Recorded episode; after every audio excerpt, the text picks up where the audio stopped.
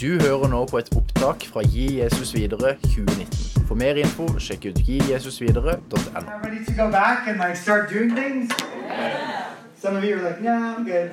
I'm just gonna take this all in just a little bit longer. Uh, but Sunday is always coming, is it not? Uh, in fact, it's tomorrow. So some of you have to go, get home tonight and go to work. Uh, so, uh, yeah. So, uh, yes, I'm Dan Scott. Uh, thank you so much for, for having me here. Um, I've been amazed. The hospitality is just absolutely incredible. So thank you so much. Uh, so when we come, uh, this idea of partnering parents, if we're going to think orange, we have to figure out the parent piece. Because the parent piece is what is very much uh, important to thinking orange. There, uh, we talked about two core influences, and one is you, the church, the leaders, the volunteers that you put in, into the in, in, in place with those children. Uh, but also the other side of that is the institution of the family and how we partner with parents who are varying degrees of, of engagement. And so when we talk about partnering with parents, we actually want to talk about that word engaged. We want to equip parents to become more engaged. Because it's not that parents don't care. I'm sure parents care. But parents might not know how they can engage with your church.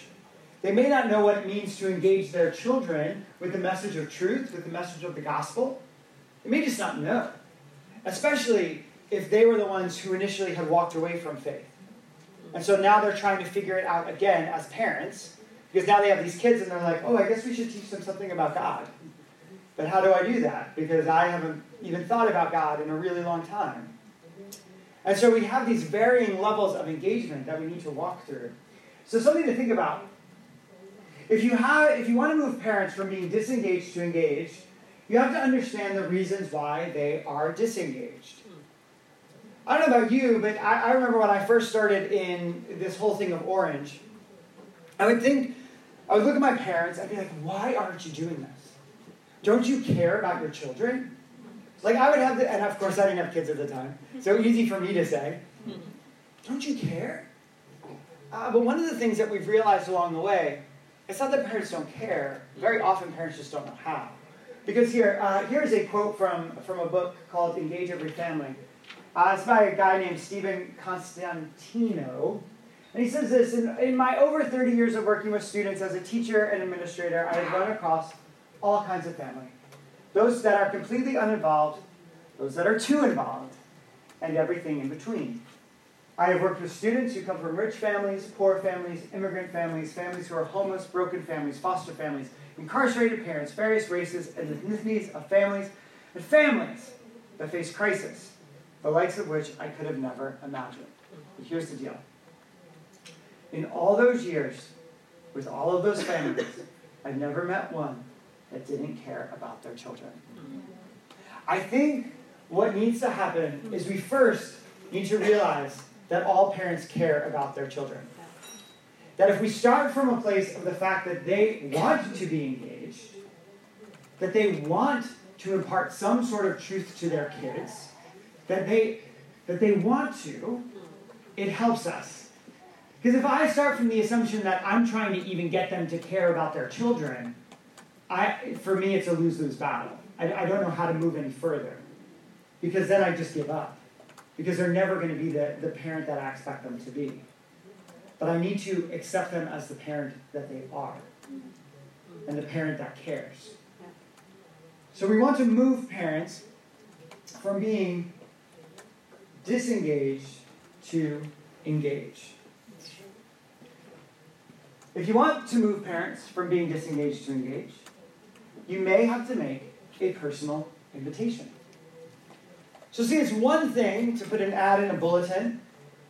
Hey, come to our parenting event, come to our parenting seminar, come to our church, talk to your kids about this, talk to your kids about that. But in a world of voices, in a world of social media with messages everywhere, that just becomes another sheet of paper. Hmm. It just becomes another voice that they have to wade through. Versus, hey, I see you. I know you. I think that you would benefit from this thing that's going on at our church right now. And this probably means that you're not the one that's inviting. It probably means there are people in your church that you can equip to do the inviting themselves. Because they work and live with all sorts of parents. And they are the ones that are going to end up getting the parents that you want to be showing up. The parents that need to engage in the first place. If you want to move parents from being disengaged to engage, then you need better, better information about why something works or doesn't work. So this happens a lot. We put a lot of effort into an event. We make a big deal about it. Maybe it's even a Christmas event or an Easter event. And we think, oh, this is going to be great for parents. Our parents are going to love it. And then no one shows up. And we think, oh, our event was a failure. Oh, well, maybe. Or maybe you think, oh, our parents don't care. They don't care at all. Why do we even bother? But it could be that it wasn't working because of the time that you chose. It could be that it didn't work because it was over a holiday where people aren't around. In the States, if we want to do a Christmas event, it actually has to happen the first week of December. If it doesn't happen the first week of December, no one's coming to it. You know why? Because they have work Christmas parties and family Christmas parties and all sorts of, their weekends are already all filled up. So we always, uh, lots of churches, we do, we're doing one on, uh, I guess it's the 7th, right? December 7th is the next Sunday, is the next Saturday. We're doing a major kickoff event uh, for Christmas, and we call it Jingle Jam. And that is, and we have all sorts of people lined up to come because it's at 9 o'clock in the morning on a Saturday when no one's doing anything else. so think about when you're doing your events and how they connect to the everyday life of kids. Because it doesn't mean your event is bad if no one shows up. It could be it was on the wrong night, it was at the wrong time, you didn't have the right advertisements, no one knew about it, you thought people knew about it, but at the end of the day, it was just in a bulletin and no one reads the bulletin. I'm sorry for those of you who type out the bulletin. All right. If you want to move parents from being disengaged to engaged, then you need to think in terms of steps. See, the truth is, you can't go out, out of the back, out of the gate, and say, All right, parents, it's time to be engaged, and expect them to do everything you ask them to do. It's just not going to happen. Uh, transitioning to orange can take years because of what we're asking parents and how we're asking parents to be involved and to step up and be the spiritual disciples of their home. So you have to think in terms of step and realistic expectations of what engagement looks like for every sort of family. So you have four sorts of parents. You have parents who are searching, parents who are participating, parents who are applying, and parents who are leading. At any given moment, you should have parents of these sorts in your church. And these are steps, right? So you have parents who are searching. You have parents who have children. Maybe they're newborns. Maybe they're uh, in you know preschool age. They're three, four years old, and they're searching. They're thinking, you know what? I should, I should give my kids something related to faith and religion and, and God. So I'm going to maybe show up, uh, let's say Christmas and Easter. Those sound like good times to go to church. And they're searching.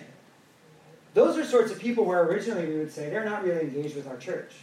However, they're coming to your church. They're just coming twice. That doesn't mean that they're not engaged, it means they're searching for something. They're trying to figure out if what you offer on Christmas shows up the week after Christmas. If the big production that you do on Easter makes any sense the week after Easter. We put so much energy into these one time services and one time events. And then it's like a bait and switch when they come back the next week and everything is boring. Mm. Or to them, it would be boring. We know it's not. But it's not the pageantry of the holiday. Mm. And so, how are we helping them see that the church is something to worth attending more than just twice a year? Mm. Right? So now you have parents, you go from searching to participating.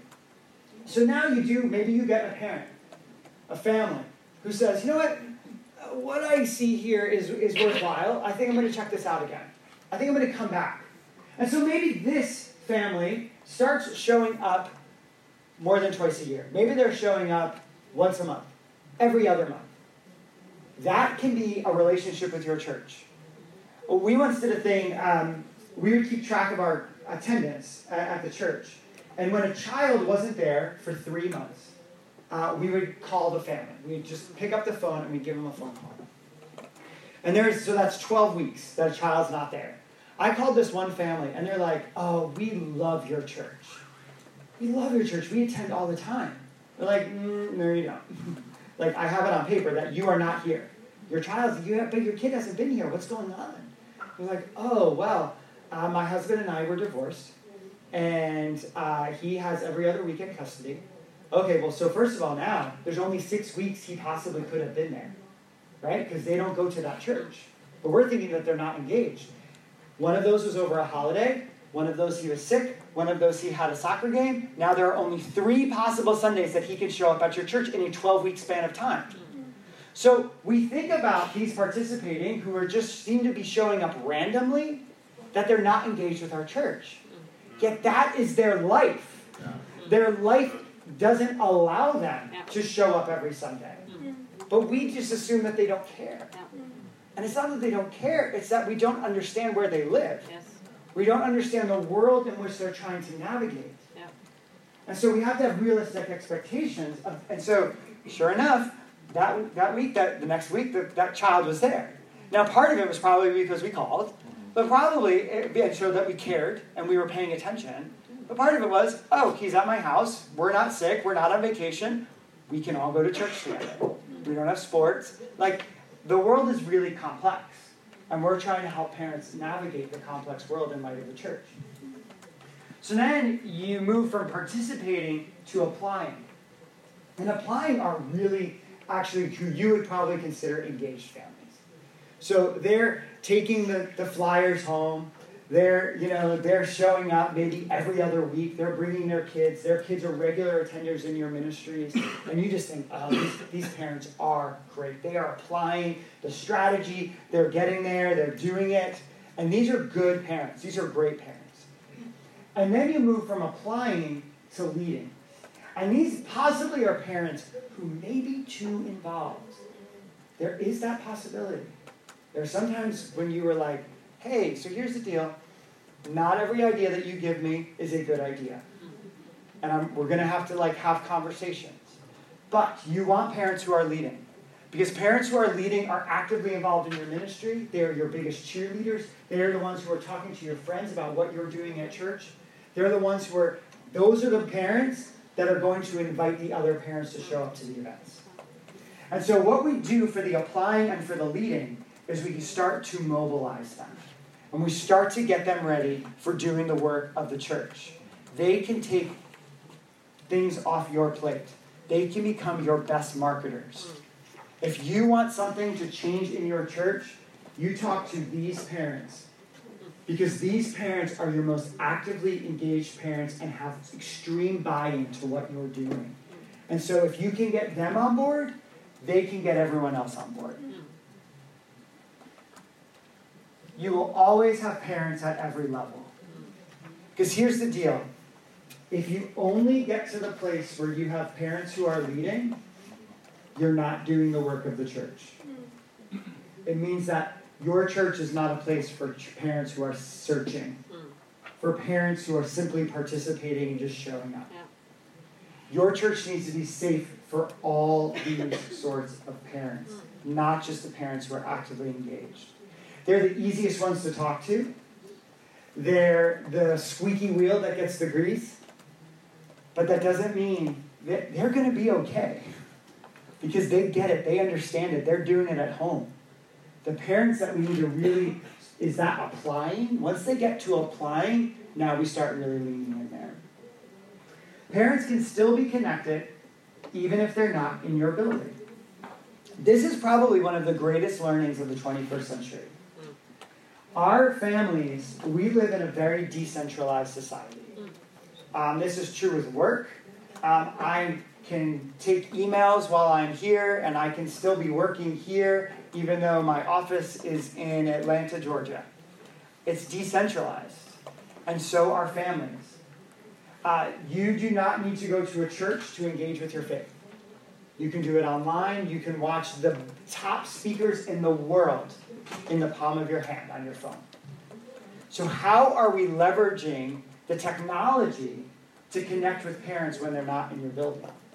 What can we do there? I mean, there's honestly, there's a ton that we can do there.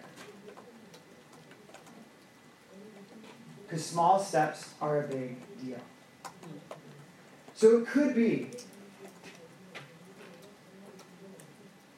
that on this phone, in this device, you, I've talked about this in a few of the breakouts, but one of the successes that we've seen in lots of churches is the use of Facebook groups. Facebook groups are one of the most powerful ways that you can connect with parents and make a small step. Because if you if you realize, hey, it's not like, hey, we're going to see you next week at church. It's we're going to see you this coming week on social media. Be sure to join the parenting group for our church. And you can shoot a video. You can tell them what you need them to know, what you would like them to know, a tip, a trick, a parenting hack, and you can put it on the video.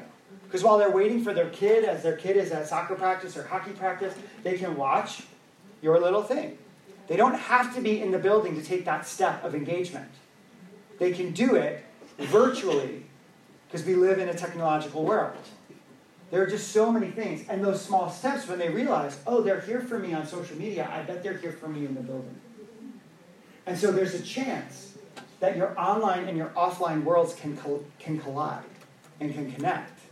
Uh, in marketing, they call it omni channel marketing. There are stores that do this really, really well, where you purchase something online and you go to the store to pick it up. So you have an online experience and an offline experience. And then when you're there in the offline experience, you now have a relationship that you're starting to create with that on with that offline store that you're like, oh, I didn't realize. It's like um, in, our, in the States, it'd be like, I don't know if you have Target or something like a big box you know, store. So you order it, you get it. We have Home Depot, like a hardware store. We order something. I go to the store and I realize, oh, I didn't know that I needed that, pro- that, that product. I'm going to buy it too. Well, the same thing is true of our churches, where, oh, you invited me to this thing. I saw this thing. I mean, I just think this is great. I'm going to come to church. Oh, I didn't know I needed that relationship too. I didn't need my kids, I didn't know my kids needed that face to face relationship as much as I thought they did. Right? But, but part of it is getting them to consider that they need to go in the door of the church. Because that building, they've pro- they, they might be scared to go into the doors of the church because of what happened the last time that they were there. Church trauma is a real thing. And especially this, this new generation of parents. So small steps are a big deal and make it easy for them to do that. But the goal of all of it is this help every parent become more intentional at home. If you're going to get them to be engaged, getting them engaged at home is more important than getting them engaged at church. From the sheer fact that the time that they are at home is exponentially greater mm. than the time that they are at church. Mm. So you make it easy for them to become more intentional at home, where they realize, hey, it's not that hard to have a conversation about faith. It's not that hard to talk to my kids about what's going on in their lives. Honestly, if having a meal together happens, that might be the best first step that a family can take where they actually put down their phones and look each other in the eyes while they're having a meal together. That could be really important. So if you want to move parents from being disengaged to engaged, then you can add experiences at church that actually move them, that actually do this. And so one of the things that, that we love at Orange is this idea of a shared family experience.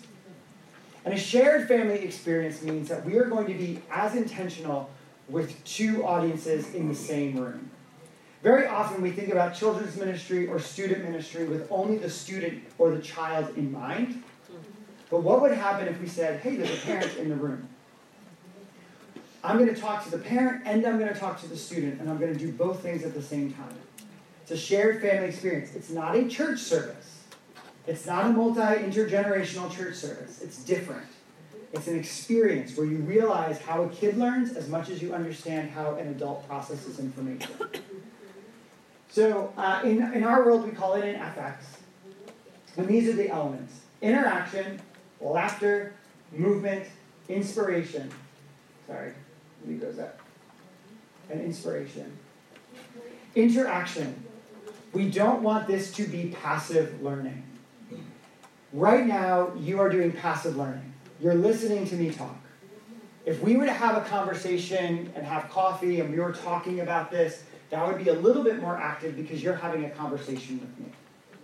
If I want parents to interact with each other, with their kids outside of church, what if I gave them a chance to do that inside the church? What if we were able to say, and this happened, um, I did this in, in uh, Minnesota just a, just a few weeks ago. My friend Dave and I, we went to a church and we did a shared family experience about technology.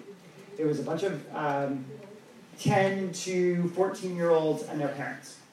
And we posed questions to them on the screen where they had to have a conversation in the room. And some things, they weren't like hard questions. It wasn't like we were asking them to share their deepest, darkest, you know, follows on Instagram. We were just having them say, hey, what scares you about technology? Um, what do you like about technology? So simple questions that just get parents and kids having a conversation about something. Because I think we're just scared, I think a lot of parents are just scared to initiate the conversation because they don't know where it's going. But if they can practice it in the context of our church, it's just that much safer, right? And it gives them a chance to say, oh, this wasn't so hard. I can do this. This isn't going to be difficult. And progressively through the night, the questions got a little bit deeper when it came to it. Um, but it started out with, what's your favorite, what's your social media of choice? Right? Like just, where do you hang out the most? TikTok, Snapchat, like which one? right? And so then it went down and it got deeper as the night went on, but it was great interaction. The next thing that you want to make sure happens is laughter. Fun creates memories. It is so important that our families laugh together and have fun together. Our world takes families so seriously, and they should. Absolutely. But what fun does, fun is currency, fun is motivation for children. If a, kid, if a kid is having fun, they're more likely to keep engaging with you. And so, so many of the conversations that parents are having with their kids at home are don't do that, don't do that, work harder, you know. What if we just took a, what if, we, let's just breathe for a second. Let's just have fun together. Let's just kick a ball around. Let's just throw a ball around. Let's just play video games. Right? Like, let's just have fun. So we want to make sure laughter is part of that experience. Want to make sure movement is part of that experience especially for younger kids. Younger kids can't sit still. Also, elementary students can't sit still. So, if you're going to do a shared family experience, make sure they're doing something, that there's some sort of activity. Majority of human beings are kinesthetic learners. They need to move in order to learn. And yet, all of our church environments are listening environments. 10% of the human population are auditory learners. If you are only doing auditory learning to your audience, you're losing 90% of your audience. So that's why you use visuals. Because at least combining visuals and audio helps because you're combining senses. But if you can add movement to it, it exponentially increases them learning together. Movement is so important. And then inspiration. A parent needs to feel inspired because life is hard. Wednesday night is the worst for a parent because the kids are exhausted from their week at school and they have two days left. Like, it's just the worst, right? And people are cranky and it's hard and it's tiring. And the parent needs to be reminded you can do this. You can keep going and we are going to help you. We are going to be here for you. And they need to hear that over and over and over again. You can do this. You can do this, and we are going to help you. We can do this, and we're coming alongside you. We're partnering with you. We'll give you the tools. We'll help you do this. But you can do this. Because most parents, they just give up because they're like, oh, my kid, you got detention again. Ah, I'm a loser. Forget it. I just give up. Nope. Nope. So that kid's 18, and even beyond then, do not give up. And we need to help parents understand that.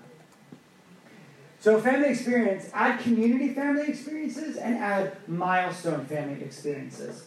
So, one of the great things that I love about the possibility of a family experience is it can be an on ramp to your church. So, one of the things that we're doing with our family experience is it's actually a community wide invite. So, the way you do this, uh, in, or, or you can do this, is maybe you partner with downtown and you say, there's a Christmas tree lighting ceremony. We'd love to sponsor that. You don't have to put our name of our church anywhere. We're just going to show up and we're going to be there. And we're going to help you. We're going to organize it. We're going to put food there. We're going to provide music. We'll just do we'll do Christmas songs that everyone knows. And we're just going to be there for you. We're going to hand out water. We're going to make a community family experience. Um, what we're we're based, our church uh, sponsors our Christmas tree lighting service in our town, um, and and is just part of it because we just want to be a voice in the community, that we are we are approachable, right? We live life together and we all love our community, so we want to be a part of that. And you can do this by and you can advertise it via social media. So uh, Facebook ads are the best, are so great. Instagram ads work the same way because you can target a specific demographic in your community. You can say, I want parents, adults, parents who have kids ages this to this who live in a 10 mile radius of my church. And you can blast it, and for 10 bucks, you can get people to understand that you have an event coming.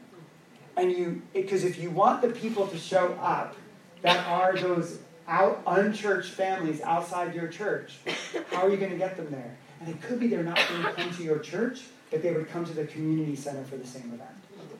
So think about the location of your family experience that you use to engage your, your family. And then add milestone family experiences. I'm a massive fan of milestones. Um, and here are some, here, I'm just going to put them all up because I know people are taking photos and you can just take the photo all at once. So, milestone family uh, experiences are really important. So, beginning, the first chapter of life. Um, so, the church has been great at the beginning one, right? Because we have christenings and dedications and infant baptisms and, and all of those things that, that we do. We're really great at that one, and then we sort of like peter off and we don't really like do much until maybe confirmation in some of our churches. Uh, but a lot of our churches even in the States don't even do a confirmation sort of thing anymore unless you're part of a specific denomination. And so here, uh, beginning, obviously, that's, that's early childhood. And if you have a new family uh, who comes to your church and their children are older than infants, figure out a way that they can celebrate the beginning. Uh, a lot of our churches have been doing, instead of calling them uh, baby dedications or infant baptisms, they just call them child dedications especially for those parents who have come back to church once their kids are older than infancy. And so now you have a different conversation and a different event for them that you can come around them and welcome them into your church community. Wisdom is a great, uh, is a really good elementary age, like nine, ten years old, eight, nine, ten years old. Once a child can really learn to read, a lot of churches hand out a child's Bible to their young elementary and they do a whole celebration around it where there's parents and grandparents and it's like hey welcome to the community. We're going to read this together and we're going to be really careful to make sure that they're not reading the stories that are going to scare them and terrify them or make them uncomfortable. We're going to give them reading plans and we're going to make sure that they learn the jesus narratives before they go to you know the david and bathsheba narratives. And uh, we're just going to make sure that, that, that that's healthy but we, we're celebrating their potential to discover and learn more about God's Word. And so we want to help them understand that they have that potential to do that as eight year olds, not just 18 year olds. Let them start owning that learning process as young. Faith, of course, the decision to really put their, their trust in Christ. Um, we we can also if you do uh, more of like a believer's baptism where where there's a, a, choice to be baptized as they get older a lot of churches that we know they call them family birthday celebrations and they're basically a child baptism service where they shoot videos of the kids giving their testimonies and then they do uh, believer's baptism that way. And these are massive events. Uh, liam had one and they like served cake and there were balloons and like it was a whole thing and his friends came and it was just it was just amazing. Like he has friends that were outside the church who came to that because they were coming for, for liam right? So now i'm inviting the community they're inviting their friends and it's just this great event that you're starting to engage parents with, with the work of faith. Um, identity a journey towards adulthood. Uh, around let's say puberty age, so 11, 12, 13 years old. Some of you might have a confirmation class around this age, uh, but also this could just literally be a time where you where you do kind of a rite of passage, where you kind of say, "Hey, you're you're being initiated into more of an adult way of looking at things." But we do it identity because your your middle schoolers, this is what they're struggling with. So, what if you helped parents with conversations about identity? So, we have uh, at our church, we have one with moms and daughters and fathers and sons. And so, we talk, we have the conversations are literally given to us. Here's a page with a bunch of questions to ask your kid today at dinner. And everyone is at, being asked those questions, right? Everyone is asking those questions. So it's not like this weird, like, I don't know if I should ask these questions or not. It feels sort of weird. We're all weird together because we're all in the room and we're all in this together. And there's some camaraderie that happens when you do this in a little bit more of a public forum. Because it's not like, oh, I have to create this like moment between me and my child, and it might be weird because what if they roll their eyes at me and like all this stuff, and they may roll their eyes at you in that in, in that event because they're 12, but so is that kid, right? And so it's not just your kid; it's like we're all in this together. Okay, here we go and you can talk about what it means, you know, to be a guy, what it means to be a girl, what it means, you know, to be to, to a, a faith. So identity, super important. Freedom, a step towards independence. What would happen if we took a look at our kids who are growing up and are learning and gaining more autonomy? Once they get a job and they're able to ride mass transportation or they get a driver's license and they, you know, they're off on their own. What if we made an intentional celebration of the fact that they have freedom now? rather than being scared that they're going to instead of uh, coming to church for youth group they're you know going to a movie or going to a concert but we say hey you have freedom now and with freedom comes responsibility. So let's talk about that. Let's have conversations about that and help parents have those conversations about that. Because let's be honest those parents are terrified of the freedom. Because they don't know you don't see the kid all the time now. So have a conversation where you're opening up that line of communication between parents and their kids. And finally, make a big deal about moving on to what's next. Not, um, and so a lot of a lot of churches we're seeing a lot of success with graduation and the transition towards what's next. Uh, there are several churches that I know of that when you sign up to be a secondary school or a, in our context a high school small group leader, you actually sign up for five years you sign up for their first four years of high school, and then you then you follow up with them throughout their year, their first year out of high school. And so what that does is it helps them find a church, have accountability when it comes to their devotional life and their and their relationship with God. And, and it says, hey, so I know that you're now hundred miles away from home. Have you found a church yet? Do you need help? How can I help you? Can I come out one weekend and, and, and like we can figure this out together? And, and you end up, like what this does is that we lose kids in the transitions. I talked about this yesterday in the caught in between workout. We lose kids in transitions. Whether it's a transition into kindergarten, from preschool, the transition into middle school, the tra- like we lose kids in transitions.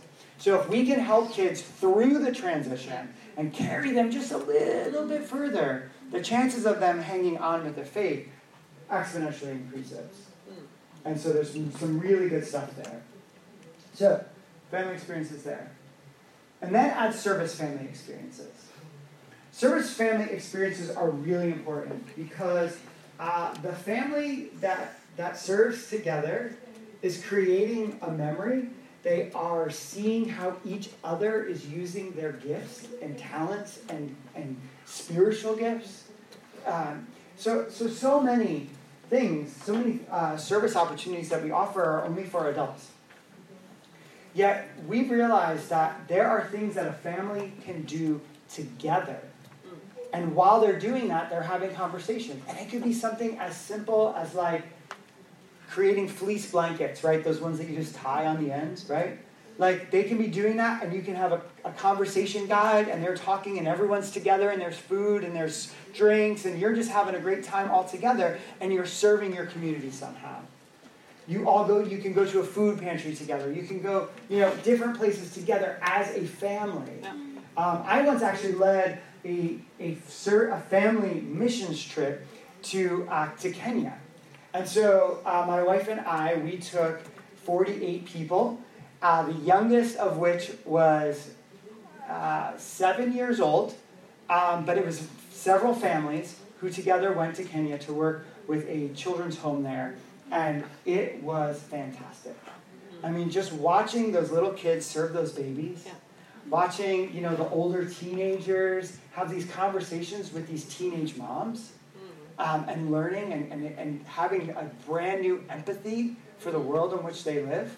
Um, it was a powerful, powerful trip that we were, and we weren't there for that long um, because there was a seven year old on the trip, but we were there long enough to get a to get an immersive experience and realize that we were serving together. And so these are just things that we need to think about. We're often so so scared of those things, but they could be the catalyst to completely engage a family again. So two things to think about. Don't get so overwhelmed that you don't start doing something. And give it time. So you you hear something like this and you're like, yeah, that's never going to happen. because you're like, oh my word, there's so many things. But what if you just did one thing?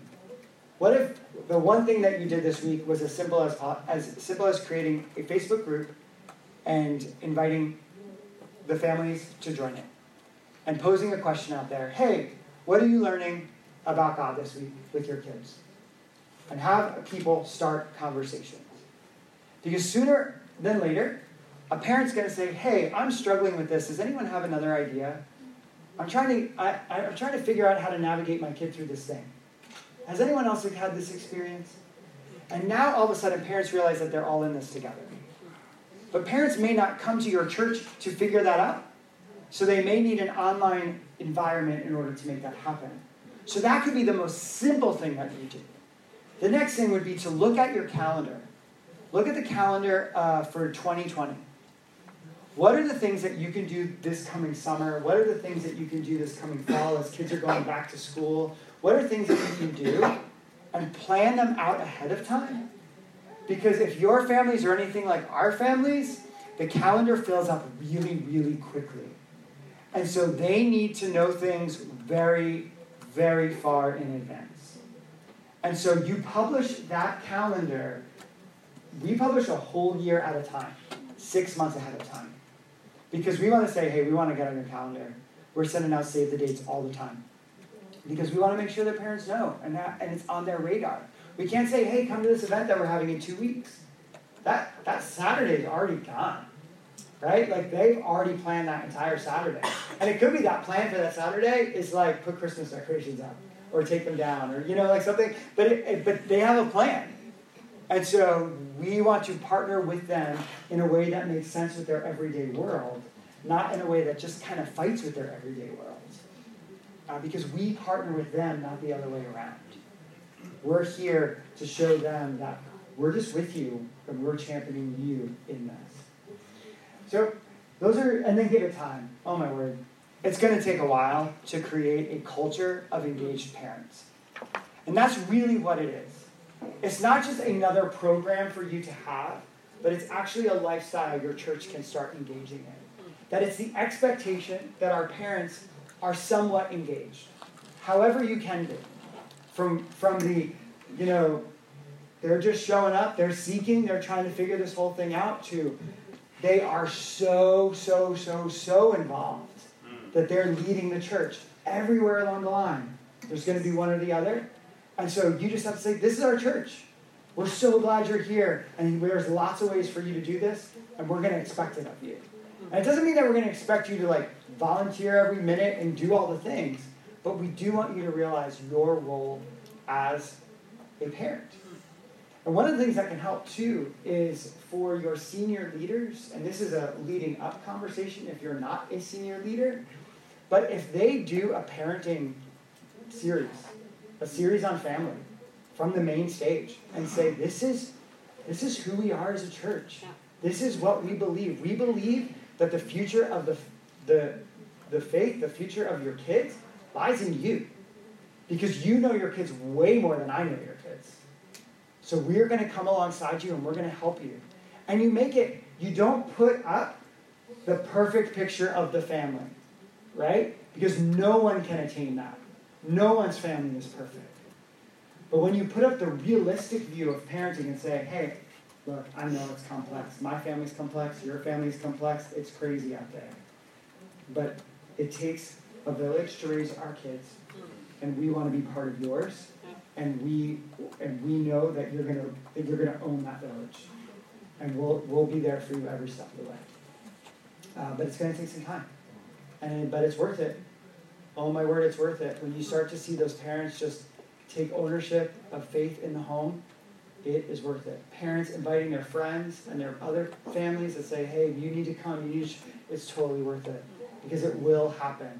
But you do need to take the first step. So, thank you.